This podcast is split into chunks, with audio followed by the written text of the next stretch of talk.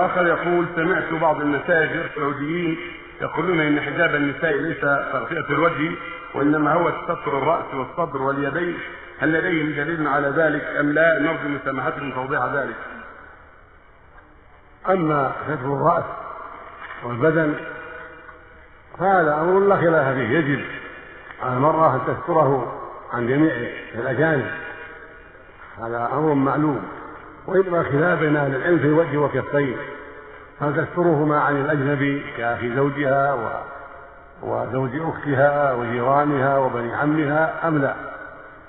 والذي قامت عليه الأدلة الشرعية أن الواجب ستر ذلك وأن الزينة موجودة في ذلك فإن الوجه هو أعظم الزينة هو عنوان المرأة جمالا ودمامة فهو عنوانها وزينتها فكما يجب ستر الرأس يجب أيضا ستر الوجه لأن الوجه له شأن عظيم.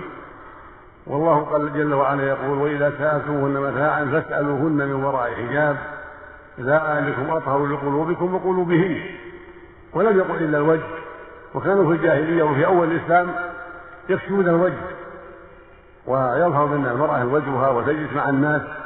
ثم أنزل الله الحجاب فمنعت المرأة من كشف الوجه وبينت هذا عائشة رضي الله عنها كما في الصحيحين من حديث عائشة رضي الله عنها أنها في يوم الإفك قالت لما سمعت صوت صفوان المعطل يسترجع قالت فخمرت وجهي وكان قد رآني قبل الحجاب فدل ذلك على أن بعد الحجاب ما ترى الوجوه إنما كان الرؤيا قبل الحجاب أما بعد الحجاب يخمرون يخمرن وجوههن وهكذا في حجة الوداع قالت أن كل كانت إحدانا إحدانا إذا دنا منها الرجال سدلت جلبابها على وجهها.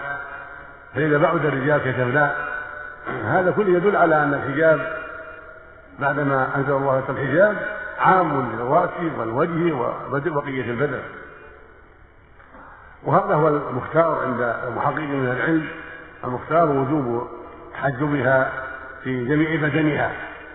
الوجه والكفين والقدم ونحو ذلك لأنها عورة وفتنة فينبغي المؤمن أن يأخذ بالحيطة لنفسه وألا يترخص بالرخص التي ليس عليها دليل. وينبغي المؤمن أيضا أن يأخذ على أهله ذلك وأن يعلمهن ذلك ويوجههن أخته وعمته وخالته وزوجته وغير ذلك. وهكذا المرأة ينبغي أن تتقي الله وأن تحذر أسباب الفتنة وألا تميل مع الرخص التي لا دليل عليها. نسأل الله جميع الهداية. هذا الله المشاهدين